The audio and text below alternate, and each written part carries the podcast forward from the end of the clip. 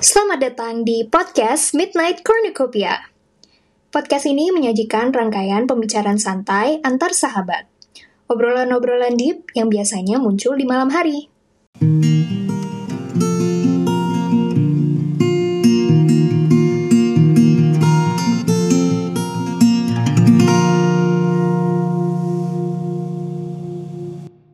Gue Gina, host kalian malam ini. Untuk episode perdana, hari ini gue mengobrol bersama salah satu sahabat terdekat gue, Ines.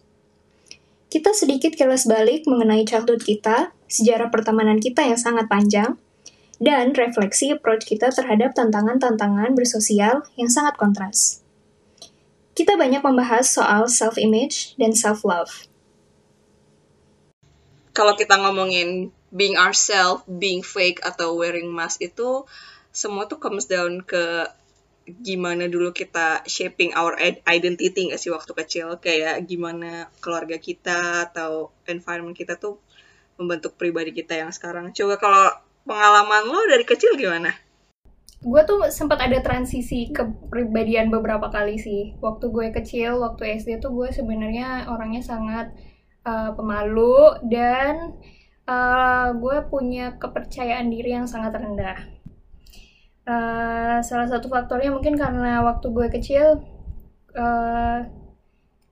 tahun-tahun uh, yang paling uh, vital di childhood gue yang menurut gue masih paling kuat di memori gue itu ketika gue tinggal di Australia itu waktu gue, gue umur 9 tahun.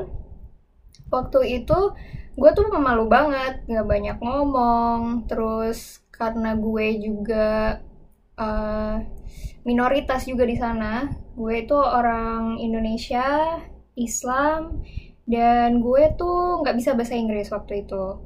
Dan tubuh gue sangat kecil dibandingin teman-teman gue terus itu uh, muka gue juga muka-muka bego-bego gimana gitu. Jadi sangat timid dan bullyable. Gila, ya gila. terus dari semua semua hal itu kayak uh, gue merasa struggling untuk bisa fit in sama teman-teman yang lain. Uh, dan memang karena karena gue yang tidak punya percaya diri itu jadi gue cenderung uh, cenderung di dibully dan jadinya daripada berantem gue berusaha untuk bersembunyi dari radar aja. Gue prefer ngumpet di perpustakaan baca Harry Potter atau baca buku-buku yang bisa uh, bikin gue kabur dari kehidupan gue saat itu. Tapi itu semua berubah ketika gue uh, pindah ke Indonesia. Gue balik ke Indonesia kan setelah itu. Nah pas gue balik ke Indonesia tiba-tiba ada image pindahan dari luar negeri gitu kan. Keren banget itu, gila gitu.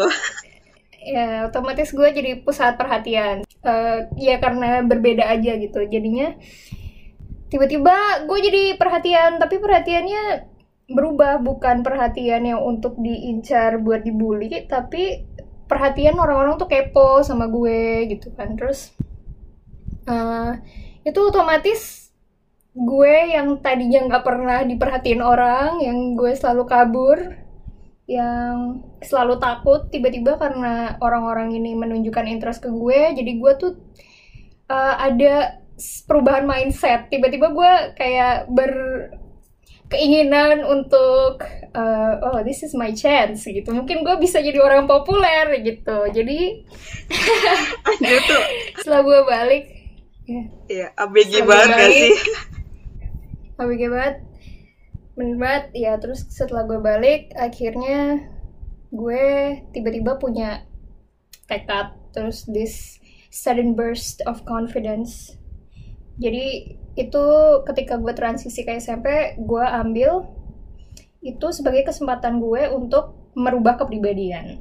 Ya gimana ya ketika lu mulai sekolah baru lu memulai fase baru dalam hidup lu itu tuh suatu kesempatan di mana lu merubah diri lu kayak lu pingin seperti apa sih gitu. Dan ketika gue masuk SMP gue ingin jadi orang populer. Itu kayak that's my number one goal. Kayak, kayak lo waktu itu langsung ikut organisasi ya gak sih? Iya iya ikut iya. organisasi iya, banyak iya. ikut band gitu-gitu juga ya. Kalau lu gimana? Le lu gimana dulu waktu SD uh, waktu SD gue nggak tahu sih.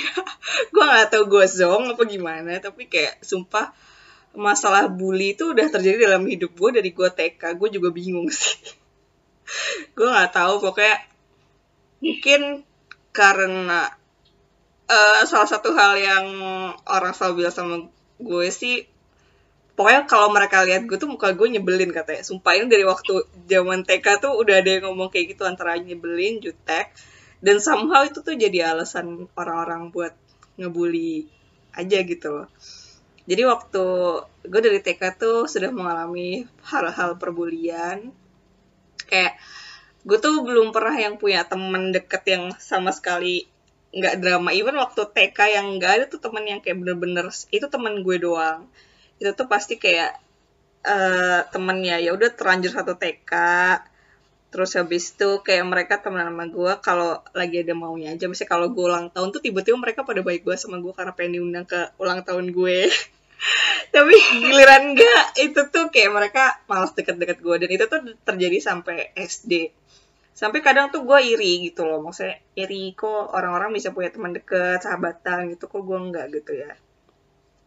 Terus dari situlah gue itu gue lupa sih dulu gimana waktu SD kan kita udah main internet ya? Itu tuh dari situ. Oh gue juga suka baca buku. Gue suka baca buku sama baca komik nah dari situ tuh gue mulai kayak uh, suka bacain quotes quotes yang kayak pokoknya gue tuh gampang terinspirasi dari sebuah cerita aja gitu. Jadi waktu uh, apa namanya waktu mulai SD SMP gue juga kebetulan terinfluence lo jadi suka nulis. Pokoknya kayak ada banyak hal di mana kayak gue tuh nemu kalau dari banyak komik deh kayak kalau gue pengen punya temen tuh lo harus jadi diri sendiri gitu loh Nah, kayak pokoknya jangan pura-pura jadi lebih baik atau apa gitu. Ya mungkin untuk anak SD sebenarnya kita juga nggak ngerti-ngerti banget ya kita tuh siapa gitu loh. Tapi kayak uh, dibandingin banyak orang menurut gue kalau dibandingin banyak orang uh, kalimat be yourself itu tuh lebih terimprint aja di gue lebih berakar dan benar-benar kuat gitu dari uh, dari apa pun dari idealisme gue sendiri jadi kayak apa ya ya I spend my life untuk berdua kayak gue nggak peduli orang mau gimana. Yang penting gue jadi diri sendiri gitu loh. Meskipun uh, jadi diri sendiri pun kita constantly change kan kita berubah berubah tapi kayak gue nggak mau bohong aja. Ya tapi pada prakteknya kenyataannya sih ya kita pasti adalah yang miss miss tapi kalau kita lihat dari cerita kita waktu SD tuh kelihatan kontrasnya gitu nggak sih lah maksudnya dari jump start kita memulai kehidupan kita di society itu kayak dari start di situ tuh kelihatan kontrasnya kita di mana ketika gue ya kita berawal sama-sama orang yang terbully iya. tapi perbedaannya ya per, perbedaannya adalah gue mengalami sudden shift yang membuka kesempatan gue untuk untuk berubah karena tiba-tiba gue ada di lingkungan baru. Nah, terus kayak solusi gue dari gue yang terbuli melihat teman-teman gue yang nggak terbuli itu adalah orang-orang yang populer. Jadi I strive to try to become popular and to try to become this image that could appeal to a lot of people. Beda dengan lu yang lu uh, perginya ke quotes-quotes pencari inspirasi dari bacaan-bacaan. Dan lu jadi terinspirasi untuk jadi diri lu sendiri. Kayak regardless lu dibully atau apa this is me gitu kan. Kita tuh klise pada konteksnya masing-masing gak sih? Terus akhirnya kita bertemu lah kita di SMP kita saling bertemu ketika SMP ya waktu SMP SMP sama SMA tuh ya kayak like most orang-orang yang macam gue yang selalu gampang terbully itu kadang selalu jadi cerita yang terkenang gak sih? Waktu SMP sebenarnya waktu yeah. awal itu waktu awal tuh gue nggak yang gimana-gimana. Gue masih sempat punya teman banyak awalnya.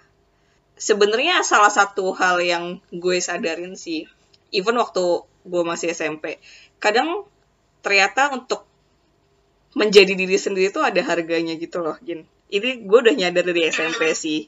Kadang kita ngerasa uh, gue rasa sih ini tuh semacam jebakan Batman gitu loh. Jadi kalau misalnya kita selalu bilang gue mau jadi diri sendiri gitu. Banyak akhirnya orang tuh nggak berhasil jadi diri sendiri karena kita ngerasa kayak waktu kita terlalu jadi diri sendiri ternyata orang tuh banyak yang nggak suka ya gitu loh. Jadi akhirnya kita masuk ke trap itu terus habis itu kita eh yaudah deh gue akan mencoba sedikit seperti orang lain gitu. Jadi waktu SMP uh, ada shiftnya sih. Pokoknya tuh gue tuh sangat diri sendiri. Jokes jokes gue ternyata tidak nyambung untuk most of our friends in junior high school.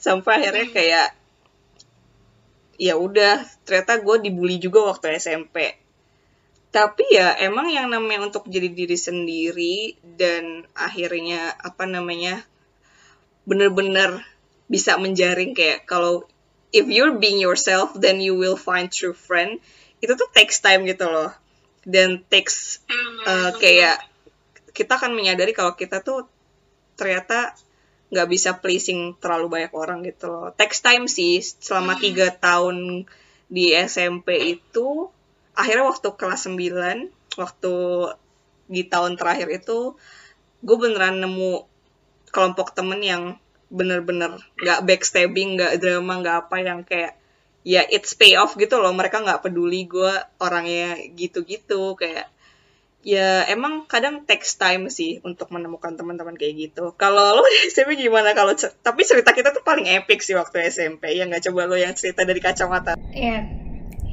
Kalau gue sejujurnya kalau kalau dulu di saat gue mengalami uh, pertemanan ketika SMP tuh gue nggak nyadar kan. Tapi kalau sekarang I can honestly say I was a bitch basically ya yeah.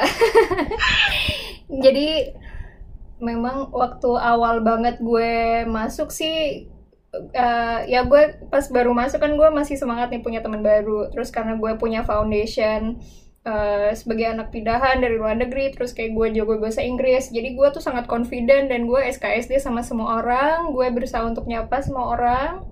Dan salah satunya lu lu salah satu teman pertama gue waktu SMP dan kita kita dulu bonding atas kecintaan kita terhadap uh, cerita fantasi terhadap novel dan lu juga salah satu dari beberapa temen gue yang gue tunjukin tulisan gue. Karena memang gue suka nulis dari SD sebenarnya.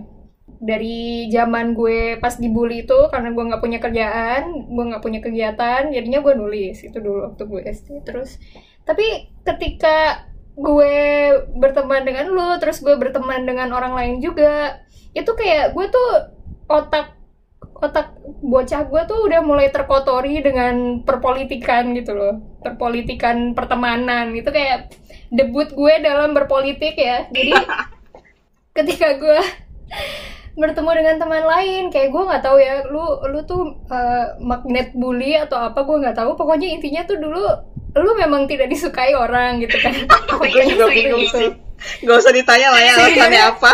Ya sejujurnya gue juga nggak tahu kenapa mereka nggak suka sama lu cuman gue tuh gampang banget dihasut gue gampang banget termakan omongan kayak eh, pernah ada kayak itu kayak literally baru tahun pertama udah dibilang soalnya tuh gini-gini lalala shalalala yang bikin gue jadi takut-takut gitu untuk melanjutkan pertemanan gitu. This is this I'm I'm on my first year and if I continue hanging out with this girl I'm gonna lose my popularity. I haven't even started gitu dalam di dalam otak licik gue. oh ya intermezzo, sumpah nggak semua orang tahu kalau gue dipanggilnya Sele ya guys. By the oh, way. maaf, sorry, sorry, sorry. ya apa cuma tau kayak soalnya itu siapa are we still yes, talking yes. about the same ya oke okay, lanjut lanjut terus jadi eh, intinya gue waktu SMP ya gitu pada akhirnya meskipun gue tuh sangat nyambung dengan lo ya le. Eh lo ya Nes. Gak apa-apa anjir meskipun gue sangat nyambung dengan lo. Meskipun gue sangat nyambung dengan lo pada akhirnya gue memilih untuk pursuing popularity. Jadi gue selama gue SMP sama SMA tuh gue fokus banget gimana caranya untuk meninggalkan legacy apa legacy kayak gue mau mati aja legacy. Ya tapi itu intinya gue SMP SMA gue harus punya sesuatu gitu kan which is why gue jadi sangat ambis daftar osis terus gue ngeband dan segala perdramaan SMP itu pun terjadi. Which is kind of ya pada akhirnya gue memilih untuk ada di spotlight dan meninggalkan seseorang yang potentially could be my true friend, which is you. alhamdulillah udah temenan lagi ya. Iya, udah temenan lagi alhamdulillah. Dan itu memang perjalanan yang harus gue lewati sih saat itu. Jadi gue rasa itulah momen di mana gue mulai memakai topeng dalam kehidupan pertemanan. Terus gimana nih kayak uh, kalau lo ngerasain efek jeleknya kayak being fake, having mask itu mulai dari kapan? Terus kayak apa sih uh, kayak turning pointnya yang kayak kejadian apa yang baru bikin lo kayak anjir udah udah gitu loh? Ya jadi gue ini memang dari cara gue cope dengan pertemanan dan bagaimana gue bergaul kayak gitu memang gue tuh gue tuh orang yang mainstream bisa dibilang gitu gak sih? Dibandingin lu. Maksudnya gue termasuk orang yang takut untuk uh, memilih jalur yang unik memilih jalur yang berbeda yang gue nggak tahu apakah itu akan berhasil atau enggak jadi kayak gue selalu mencari jalur yang memang sudah terbukti itu successful. Dan uh, berdasarkan mindset gue waktu gue SMP dan SMA itu ya yang successful yang orang-orang uh, yang striving di karir mereka ya orang-orang yang punya banyak teman, yang punya banyak koneksi. Jadi pada akhirnya gue uh, belajar the art of being a chameleon. Ilmu menjadi bunglon di dalam pertemanan. Jadi waktu gue SMA, gue menemukan teman-teman yang oke okay sih. Cuman hmm, gue sangat fokus mengincar uh, spotlight itu jadinya gue pun meninggalkan hal-hal yang sebenarnya gue suka gitu. Misalnya ya gue suka menulis tapi karena itu adalah bukan suatu kegiatan yang bikin gue populer atau berprestasi di di zaman itu di mindset gue akhirnya gue meninggalkan hal itu. Dan gue mulai bikin suatu image di otak gue if I have if I want to be successful gue harus jadi orang yang seperti ini. Jadi kayak gue uh, mendaftar organisasi gue jadi uh, wakil ketua osis terus gue ikut debat biar gue memaksakan diri untuk public speaking dan belajar soal isu-isu global dan isu-isu ya belajar ilmu-ilmu soft skill dan akademik ini yang menurut gue itu bakalan bikin gue populer. In my mind. Memang busuk sih gue. Gue sangat busuk waktu itu. Ya gitu. Jadi jadi gue saat itu gue punya mindset kalau sometimes being fake is the way to blend in. Karena gue berusaha untuk memenuhi ekspektasi uh, general ekspektasi umum dari masyarakat. Dan itu yang gue lakukan di eh, fase-fase uh, itu jadi gue pun belajar untuk lebih political to survive.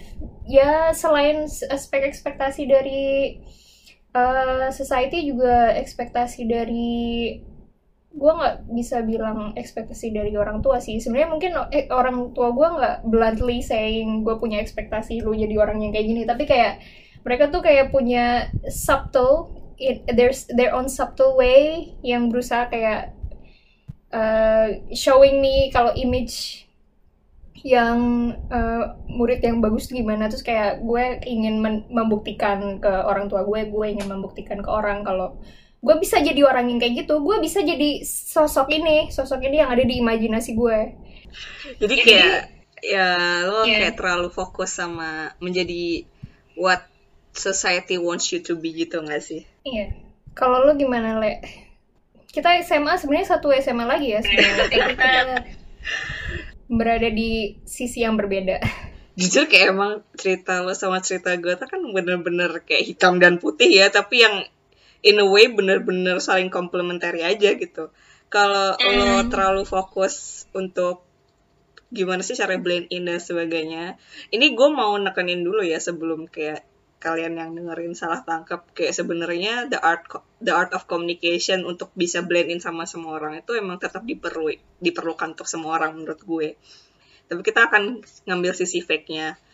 Kalau gue kan kebalikannya lo banget kayak gue tuh selalu striving to be myself kayak pokoknya itu tuh gue jadi defensif banget ketika orang tuh secara terang-terangan berharap gue harus seperti ini seperti ini jadi konflik gue sih sebenarnya sebenarnya yang walaupun gue udah bilang kayak good friend takes time kalau lo jadi diri sendiri itu bukan berarti terus habis itu hidup gue mulus banget ya. Tapi kenyataannya gue tetap constantly merasa stres dengan pressure orang-orang masyarakat pokoknya intinya lingkungan yang menginginkan gue untuk menjadi ya this certain image gitu loh. Sebenarnya sama aja kayak lo cuma bedanya adalah gue fight kayak gue gue melawan gitu loh gue nggak terima gue digituin. Sedangkan kalau lo kan kayak ya just ayo kita ikutin aja harusnya ke mana.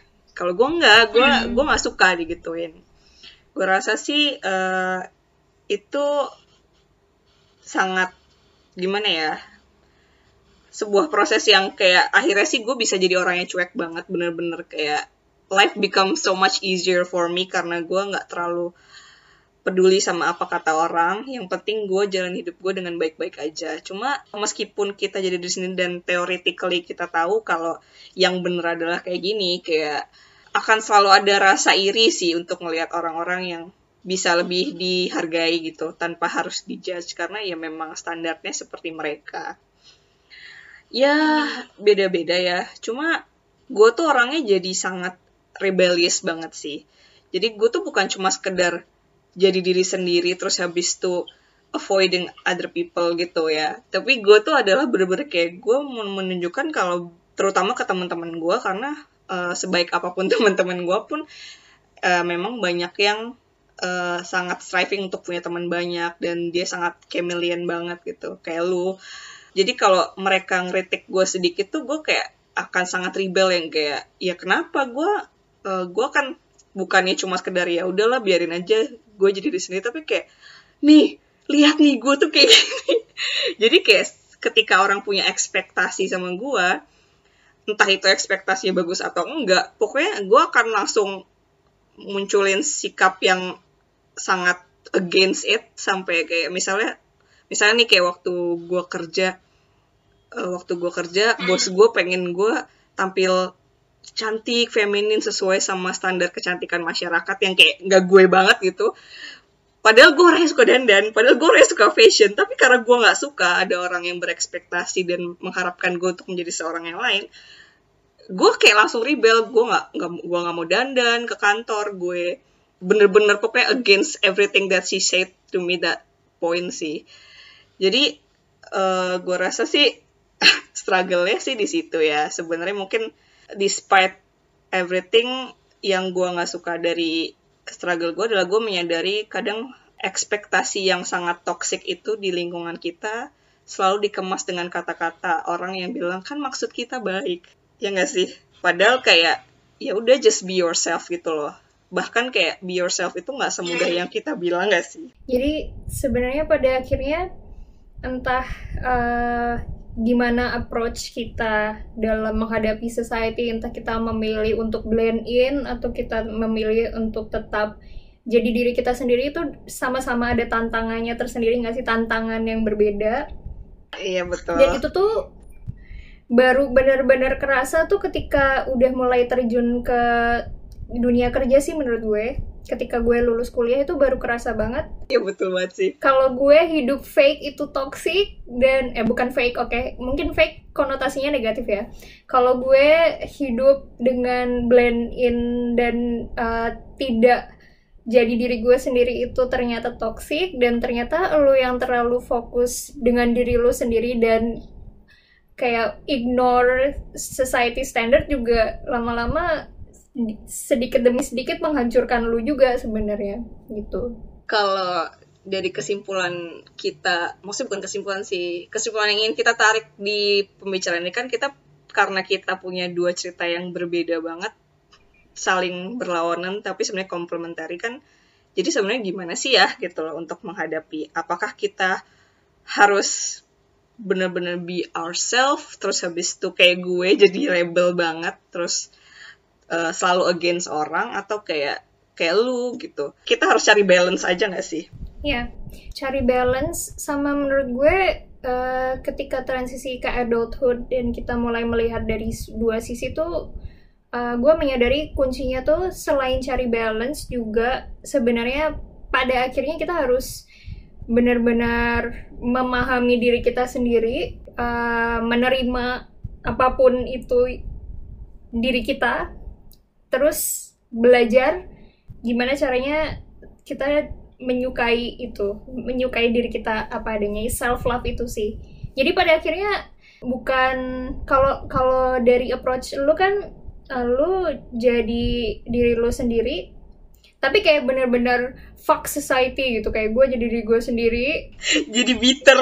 Terserah lu kayak gitu. Kayak gue akan tetap kayak gini. Tapi kayak sebenarnya entah lu ingin jadi diri lu sendiri atau entah lu ingin menjadi bunglon seperti gue pada akhirnya yang paling penting tuh uh, regardless which path you choose to face society pada akhirnya ketika lu udah punya self love yang kuat jadinya lu bisa bisa mengambil dua hal itu dengan cara lu sendiri tanpa lu menghancurkan diri sendiri gitu. Kalau gue sih, gue menyadari hal ini tuh ketika gue mulai kerja dan gue mulai hidup sendiri di negara orang di mana kehidupan itu tuh berbeda dengan kehidupan gue zaman sekolah yang serba kegiatan, serba organisasi, serba berinteraksi sama orang, dunia yang sangat ekstrovert. Tiba-tiba gue hidup sendiri dan jadi menghadapi diri gue sendiri terpaksa gue menghadapi diri gue sendiri dan bagi orang yang kayak gue yang sudah sekian tahun selalu kabur dari gue dari gue sendiri dan mencari comfort dengan uh, interaksi sama orang lain itu tuh sesuatu yang sangat menakutkan sih ketika gue masuk ke transisi ini di mana gue fokus sama diri gue sendiri. Tapi dengan di momen-momen itu ketika gue hidup sendiri gue jadi punya waktu untuk bener-bener melihat ke kaca dan kayak memperhatikan gue memaksa untuk kayak melihat gue itu sebenarnya kayak who am I? Terus kayak sebenarnya gue tuh ah, gimana sih orangnya? Sebenarnya gue tuh suka apa sih gitu? Is this the life that I want to live gitu? Jadi di momen-momen itulah gue menyadari kalau selama ini gue sudah membohongi diri sendiri soal siapa gue itu. Gue menyadari kalau selama ini gue memakai topeng dan uh, di saat itu gue mulai crumbling gue mulai lelah memakai topeng dan pre pretending all my life. Dan di situlah di mana gue mulai melihat diri gue sendiri dan menyadari betapa bencinya gue sama diri gue sendiri. Dan itu sesuatu yang sangat uh, sesuatu yang sangat overwhelming, yes, overwhelming, but also kind of uh, apa liberating, overwhelming at first, tapi kayak jadi tiba-tiba liberating aja gitu ketika gue menyadari semua kebusukan gue, ketika gue tidak, gue tuh selama gue bermain uh, fitting in itu selama gue fitting in dan gue mengambil keputusan yang menurut gue kurang baik misalnya kayak gue meninggalkan lu sebagai teman nah itu dulu gue selalu menjadi mencari justifikasi atas tindakan gue gitu loh. Gue ngerasa kalau gue tuh tidak salah atau gue playing the victim card. Kayak gue selalu ngerasa gue nih dimanipulasi sama orang untuk melakukan itu. Padahal enggak. Padahal itu adalah gue yang mengambil tindakan itu. Dan gue tidak mau embrace kebusukan gue itu di saat di saat-saat itu. Tapi kayak ketika gue hidup sendiri gue mulai look back lagi ke kehidupan gue terus kayak gue menyadari ternyata gue busuk ternyata gue begini shalalala ternyata gue bahkan gue meninggalkan hal-hal yang gue suka dulu dan gue jadi mulai teringat kembali dengan hal itu di situlah gue menyadari kalau gue perlu belajar untuk mencintai diri gue sendiri oh iya oke okay. kalau itu kan dari sisi lo ya dari sisi yeah. yang tadi ya lo terlalu fokus sama faktor luar kalau dari gue kan tadi juga udah bilang ya kalau menjadi diri sendiri pun ada sisi toksiknya. Ini adalah salah satu yang udah gue persiapkan banget untuk gue bahas di sini karena gue selalu menyadarinya. Tapi tetap aja kayak toxic positivity, sentence be yourself itu juga bisa jadi sesuatu yang toxic banget buat kita loh. Karena hmm. ketika kita be ourselves dan kita terlalu nyaman sama diri kita sendiri, dan habis itu kita bahkan nyaman dengan sesuatu yang jelas-jelas bikin kita uh, tertinggal di kehidupan entah dalam aspek apa pun itu. Aspek relationship sama teman sama pacar dari karir atau apa pun itu kita cenderung nggak mau berubah. Uh, eh, gue rasa sih ini semuanya pasti pernah ngerasain ya even orang-orang yang masih fokus ke hal lain gitu.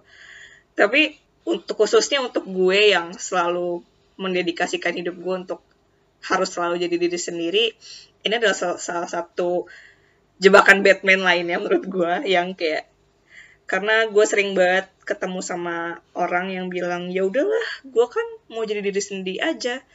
Dan kemudian mereka menolak advice yang benar-benar bagus legit gitu bukan cuma sekedar ekspektasi orang. Dan akhirnya mereka ya stuck di situ-situ aja gitu loh. Gue bersyukur gue uh, menjadi seorang yang emang suka dengerin cerita orang. Dan cukup melek untuk nggak masuk ke dalam jebakan jebakan Batman itu. Dan ya itu bahaya banget sih. Jadi gue rasa sih jalan tengahnya adalah ya yang pertama itu tahu dulu diri lo sendiri. Bener yang kayak yang kata lo bilang. Tapi tahu diri kita sendiri itu bukan cuma sekedar kita ngelihat apa sih yang bagus dari diri kita.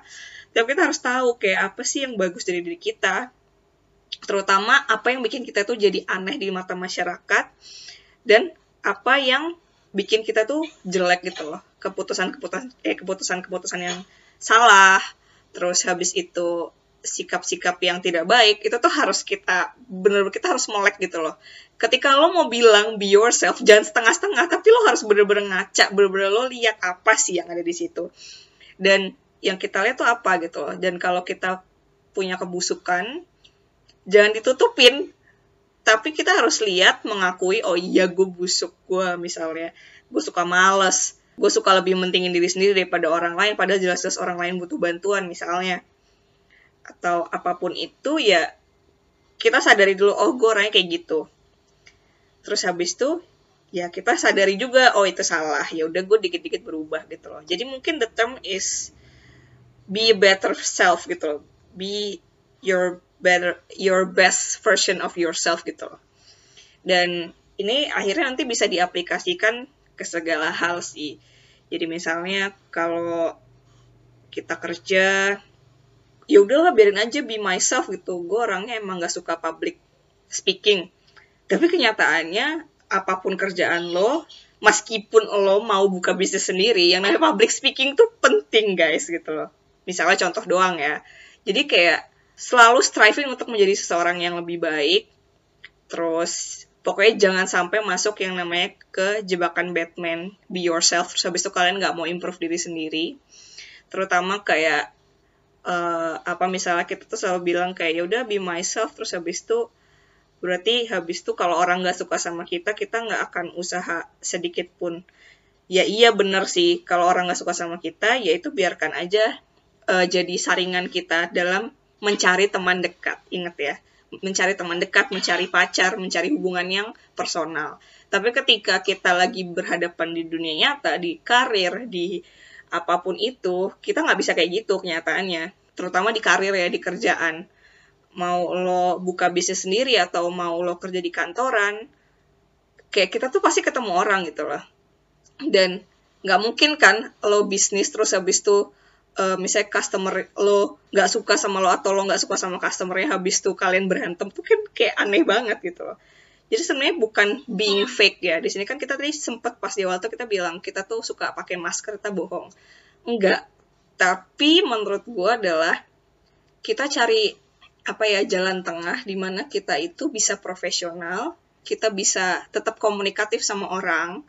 Jadi orang tuh bisa menoleransi kita karena kita itu adalah orang yang apa sih ya bahasa Inggris itu a decent human being gitu loh. Kita harus jadi orang yang decent.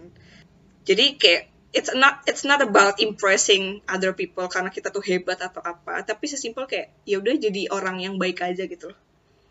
Udah selesai. Terlepas dari akhirnya mereka nggak suka sama lo karena misalnya lo jelek atau apalah atau misalnya itu itu nggak penting. Tetap jadi diri diri lo sendiri jangan terlalu ngikutin ekspektasi orang. Tapi kita pun juga harus striving untuk selalu jadi baik. Gue rasa sih itu jalan tengah yang paling baik sih ya. Kayak jadi kita tetap uh, megang value kita sendiri, tapi uh, di lain pihak kita juga bisa tetap hidup di tengah masyarakat ini dengan dengan nyaman dan dengan tenang, damai. Karena ya dari pengalaman gue sendiri, kalau kita masuk ke dalam jebakan Batman itu ya akhirnya kita terlalu bitter, terus nggak bisa ya nggak bisa bersosialisasi dengan baik aja gitu kan nggak enak ya. Gue rasa sih untuk dalam hal mencari hubungan personal entah itu teman dekat ataupun apa gue selalu tetap memegang gue harus jadi orang yang benar-benar jadi diri sendiri. Tapi giliran apa namanya giliran kalau kita lagi ngomongin karir dan apa pun gue akan selalu gitu jadi jalan tengahnya udah jadi be the best version of myself aja lah gitu. tapi nggak sampai yang bikin gue ngerasa fake dan uh, paling satu saran terakhir itu adalah kalian harus benar-benar melek ketika kalian tuh berhubungan sama orang. Jangan sampai kalian masuk ke jebakan Batman lainnya dalam artian uh, kalian nggak bisa nyadar tuh hubungan toksik atau enggak. Karena kebanyakan hubungan toksik bikin lo nggak bisa jadi diri sendiri. Karena akhirnya lo berusaha selalu mengikuti ekspektasi orang itu dan sebagainya. Jadi dua itu aja sih be the best version of yourself dan kalian harus melek uh, sama siapa sih kalian dealing itu ya pokoknya kita harus ya terutama gue sama lo juga masih belajar jadi kita tuh harus bener-bener sadar diri gitu loh mindful aja tentang apakah kita sudah menjadi diri kita yang terbaik dan siapa sih yang kita hadapi gitu jadi kita lebih mudah menjalani hidup aja bukan hidup jadi lebih mudah tapi lebih mudah menjalani hidup aja gitu. Yang menarik tuh sebenarnya karena perbedaan kita approach ke society ketika kita transisi ke adulthood tuh justru kita tuh saling ngebantu satu sama lain gitu gak sih? Ingat gak sih, like, ketika gue lagi fase-fase gue crumbling karena gue selama ini berusaha memenuhi ekspektasi semua orang. Kayak gue stres sendiri karena gue tidak bisa memenuhi ekspektasi ini. Terus kayak tiba-tiba kayak gue kayak overwhelmed dan itu lu dan Nunung tuh yang membantu gue untuk menyadarkan kayak the real question is what do you want? Itu kayak pertanyaan itu adalah pertanyaan yang seharusnya gue tanyakan ke diri gue sejak kapan tahun dan itu tuh kayak gue perlu ditampar dengan hal itu dengan orang-orang seperti kalian yang memang benar-benar sudah memahami yang sudah sudah tidak punya attachment terhadap society. Tapi di sisi lain ketika lu transisi ke adulthood dan lu mulai bekerja, lu pun juga mengalami masalah dengan fakta yang tadi itu di lingkungan kantor ternyata lu overwhelmed dengan semua ekspektasi uh, bos lu, ekspektasi kolik lu yang meminta lu untuk merubah hal-hal yang menurut lu nggak perlu dirubah. Tapi itu itu bikin lu overwhelm dan saat itu yang kayak gue menyadarkan kepada lu kayak le this is society. This is the real world gitu kan jadi kayak somehow kita saling balance kayak lu membantu gue menemukan balance gue secara internal dan gue membantu lu untuk menemukan balance lu secara eksternal. Somehow. Itu satu poin lagi sih satu poin yang bisa bikin conclusion juga. Mungkin bukan berarti teman-teman kita tuh pasti ada yang sangat balancing gitu ya kayak gua sama Gina. Tapi tetap kita tuh harus bener-bener melek sih kayak harus surround ourselves itu sama orang-orang yang bener-bener support kita gitu loh. Bisa uh, bisa ngasih tahu kalau kita salah, tapi juga bisa ngasih tahu kalau kita benar dengan cara yang benar juga. Pokoknya cari orang-orang yang tepat aja sih untuk kita jadikan teman dekat. Gitu. Dan terutama karena kita udah dewasa ya, jangan takut kalau misalnya kita ngerasa nih orang bener-bener bikin gue selalu down ya ya udah cut off aja gitu. Nggak ada salahnya uh, bukan cut off sih apa ya bahasanya tuh mungkin terkadang kita jadi punya keterikatan sama beberapa orang yang sudah punya hubungan pertemanan sama kita gitu. Tapi karena kita uh, sangat takut untuk kehilangan ikatan itu jadinya kita tetap mempertahankan padahal sebenarnya udah nggak udah susah apalagi dengan dia demand lu melakukan sesuatu yang sebenarnya menurut lu itu sangat mengganggu tapi karena lu terikat jadi lu nggak mau ngekat. Sedangkan ketika lu sudah memahami diri lu sendiri itu seperti apa memahami apa kehidupan seperti apa yang ingin lu jalankan. Lu jadi bisa secara otomatis lu bisa mendeteksi orang-orang yang sebenarnya tuh menjadi liability buat lu. Dan lu bisa it's okay ketika mereka pergi dari hidup lo karena lo menjadi diri lo sendiri. Sebenarnya nggak apa-apa itu terkadang kita takut untuk menunjukkan our stand menunjukkan diri kita sendiri karena kita takut kehilangan orang-orang di hidup kita sebenarnya kan. Karena takut dilihat berbeda takut di judge kayak gitu. Tapi kayak pada akhirnya ketika lu nggak punya lu nggak punya tidak ada nilai lebih dari hubungan itu ya nggak apa-apa. If it's okay if they walk away from your life gitu. They don't even like you for who you are. Why do you keep them gitu kan. Jadi kayak you don't like me? Okay bye kayak gitu. Makes my life a lot easier gitu kan. Betul. Hmm. jadi ya berarti kesimpulan besar terakhirnya adalah kayak ingat tadi yang sempat gue bilang tuh pertama being yourself being the best version of yourself itu prosesnya nggak gampang, prosesnya lama, dan bukan berarti habis tuh banyak orang bermunculan di sekitar kita yang bener kayak, oh lo ternyata lebih keren kalau lo menjadi diri sendiri ya, enggak. Tapi uh, rewards-nya itu akan sangat menyenangkan karena nantinya at the end of the day, kapan pun itu, ketika kita semua udah bisa berhasil menjadi diri kita sendiri dan be the best the best version of ourselves tuh pasti orang-orang yang tersaring dan tetap ada di sekitar kita tuh adalah orang-orang yang mau dan bisa menerima kita apa adanya. Jadi kayak ya itu emang ya jangan jangan takut melepas keterikatan. Terus jangan takut kalau kita melepas keterikatan sama satu orang terus kalian ngerasa teman kalian berkurang. Enggak.